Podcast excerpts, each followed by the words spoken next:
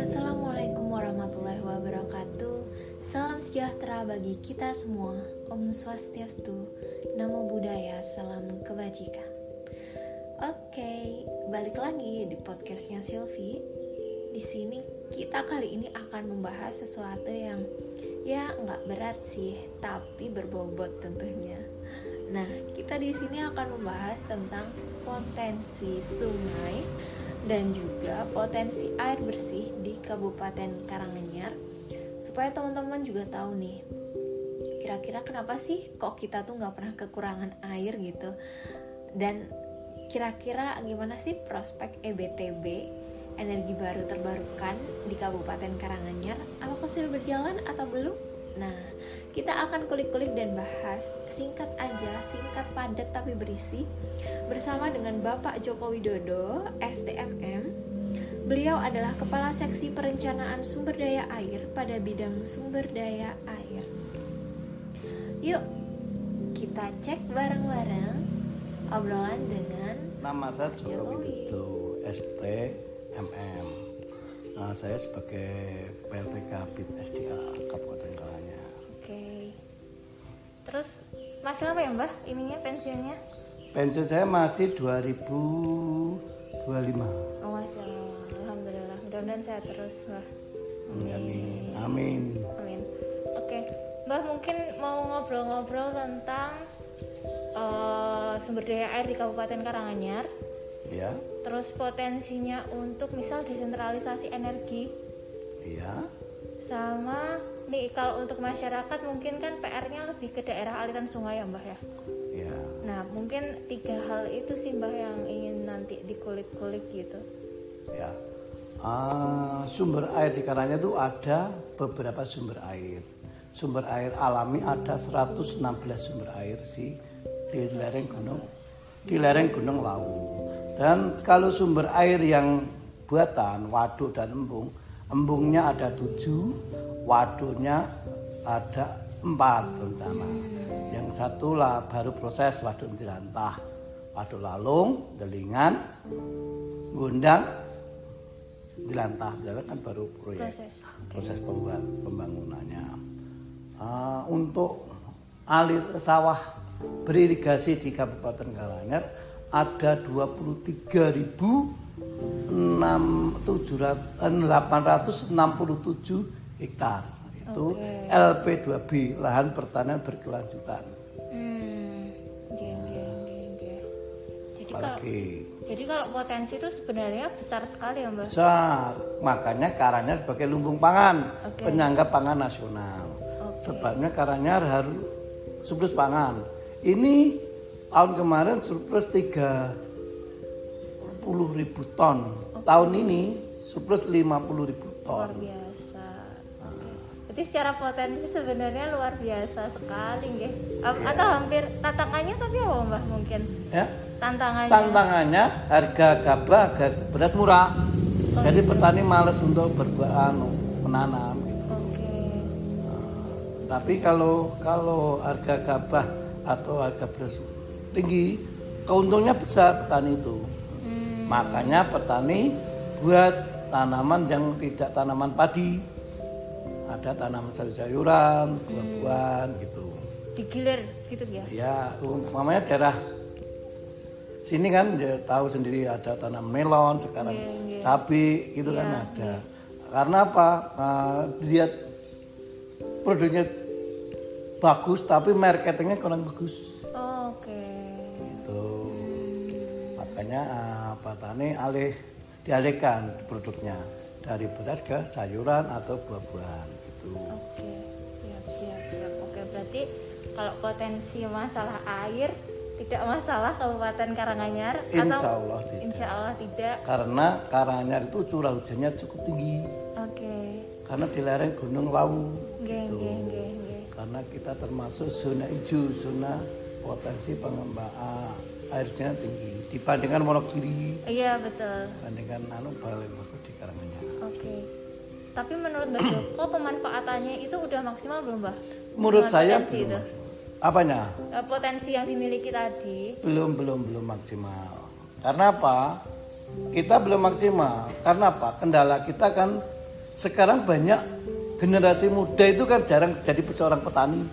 Iya betul. Nah, kan generasi tua. Jadi untuk arah pengembangan namanya namanya sekarang kan teknologi pertanian banyak. Iya. Tapi yang jarang generasi muda terjun ke usaha pertanian. Hmm, Nah, kan gitu lebih banyak usaha di bisnis iya. Ekonomi kreatif. teman kreatif betul gitu. Oke oke oke. Terus kalau poten itu kan tadi lebih ke ibaratnya potensi ke pertanian ya mbak ya. Ya. Tapi kalau misal sumber daya air itu sendiri di desentralisasi energi, mungkin arahnya ke energi terbarukan itu udah ada ke arah sana belum sih mbak kalau Kabupaten Karanganyar? Kalau waduk itu rencana seperti itu. Waduk Jelanta akan PLTA juga. Gondang juga ada PLTA. Tapi kan itu perlu modal besar, investasi besar. Jadi sampai sekarang belum. Tapi kalau eh, untuk waduk yang lalung sama dengan nggak potensi. Karena apa? Kalau di musim kemarau debitnya tidak bisa eh, mencukupi kebutuhan air untuk PLTA. Oh iya iya iya iya. Itu. Tapi ada yang mbak arah ke sana. Kalau di Jelanta sama Gondang di desain sedang jalan. di des, belum kan desainnya waktu DED desainnya itunya sudah arahnya ke sana. Hmm. Amdalnya juga arahnya ke sana. Nah, lah sungguhnya kita punya potensi yang banyak itu kan air bersih kita, air Iya. air sumber air itu di untuk PDAM mungkin situ tahu di, di apa tangkinan itu jual tangki-tangki luar kota. Maksudnya di luar kota Karanganyar ke Solo, Sukoharjo, sampai ke Gerobokan sana juga ada. Luar biasa sih sebenarnya. Airnya bagus, kadang kadang kapornya nggak ada. Oke, wah. Oke. Terus kalau berhubungan sama air, otomatis salah satu sumbernya ya mata air sama aliran sungai ya Mbak. Ya das, Das. das. Oke. Kan hmm, kalau menurut Mbah Joko atau menurut data dari Mbah Joko itu warga Karanganyar itu ada problematika nggak Mbah dengan das? Ibaratnya kan banyak kalau saya lihat beberapa ya antara Bekona ke barat itu kan banyak yang aliran daerah aliran sungainya ditutupin ya Oh salurannya. salurannya ataupun ada beberapa resapan-resapan air tuh nggak nggak dimanfaatkan gitu nggak nggak di di maksudnya difungsikan sebagai resapan dengan baik gitu kok di Karanganyar sendiri pripun Kalau di Karanganyar sama, sama. Saya lihat hampir sama. Di Karanganyar itu gini, air itu jadi besok kan kita saya jelaskan dulu dari das ya. siap Kita itu dimasuk di das Bengan Solo. Nah di Karanganyar ada punya enam subdas. Subdas kedua Hulu, Jelantah, Samin, eh, dulu sama ini Mungkung, terus eh, Jenawi itu sa- satu, terus Gundang Rejo das dari Boyolali, de- eh, di sana ada sungai di Jenawi ada das sendiri, eh, ada masuk nanti ke masuk ke Kali Sragen ke aliran utara ke itu ada sendiri. Kalau dari kita yang sebelah barat kita kan Colomadu, Gunarjo kan ada sungai Das Cemoro, Subdas Cemoro di daerah barat. Nah, subdas kita, das kita itu, das itu kewenangan siapa? Kehutanan atau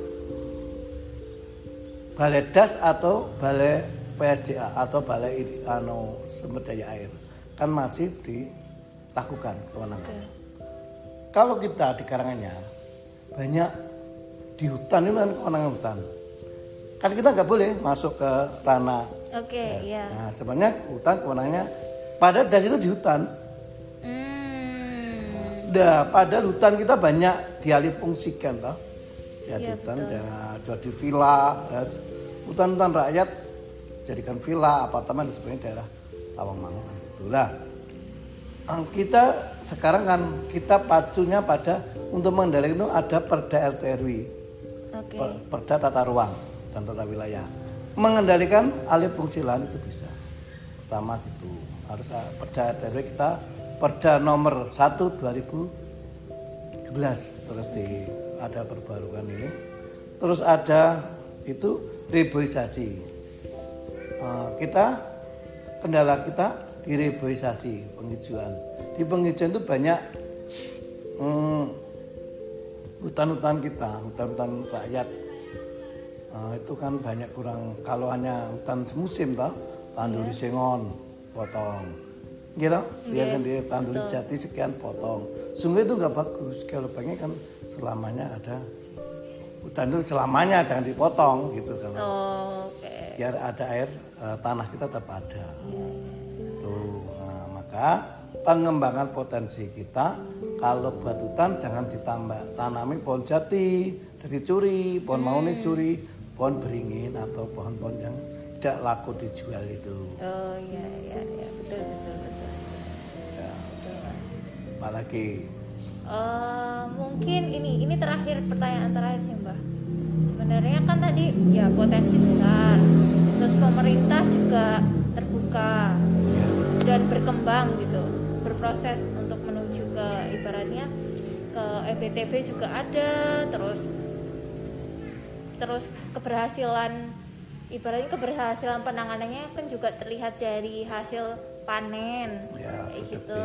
Ya. Nah, menurut Mbak Joko apa sih yang bisa dilakukan oleh masyarakat sama pemuda? Mungkin apa yang bisa dilakukan uh, dari pihak masyarakat untuk mendukung pemerintah ini dalam dalam menyongsong apa ya ya menyongsong Karanganyar dengan sumber daya yang lebih baik dan termanfaatkan dengan baik. Pertama, pemuda harus punya jiwa patriotisme, nasionalisme. NKRI harga mati. Okay. Kedua, semangat berpartisipasi kepada uh, sarana dan prasarana dan jangan merusak hutan. Okay. Nah, gitu. Kalau ada anak generasi muda seneng ke puncak lawu dan sebagainya jangan bakar-bakar di hutan itu mereka kebakaran nanti fatal nah sebabnya apa kalau dibakar nanti hutan dibakar akibat longsor si hutannya enggak uh, hutannya pertumbuhan kan lama iya. membakarnya sama tumbuhnya lama tumbuhnya iya. itu nah, kalau itu yang ketiga keempat pemuda harus pandai-pandai mencari celah yang ekonomi kreatif yang tadi uh, potensi apa yang bisa dikembang di hutan. Umpamanya di wisata hutan di seperti di Jogja itu kan ada uh, hutan. Kalau di mana uh, Kalimantan hutan bakung, ada kembangan yeah, yeah, itu kan. Yeah. Nah kita itu belum ada generasi seperti itu. Hmm. Uh, keempat harus seperti niru dan ada sekolah sungai. Jadi generasi generasi muda ikut berpartisipasi pemeliharaan sungai. Jadi ada sekolah sungai yang me, yang uh, dari Pemda itu nanti sekolah sungai. Pemerintah daerah membuat program rencana lah nanti pelaksanaan dari anak-anak generasi muda. Nah, gitu. Nanti kalau seperti di Klaten itu ada ada seorang tokoh Segani, ya itu ada sekolah sungai.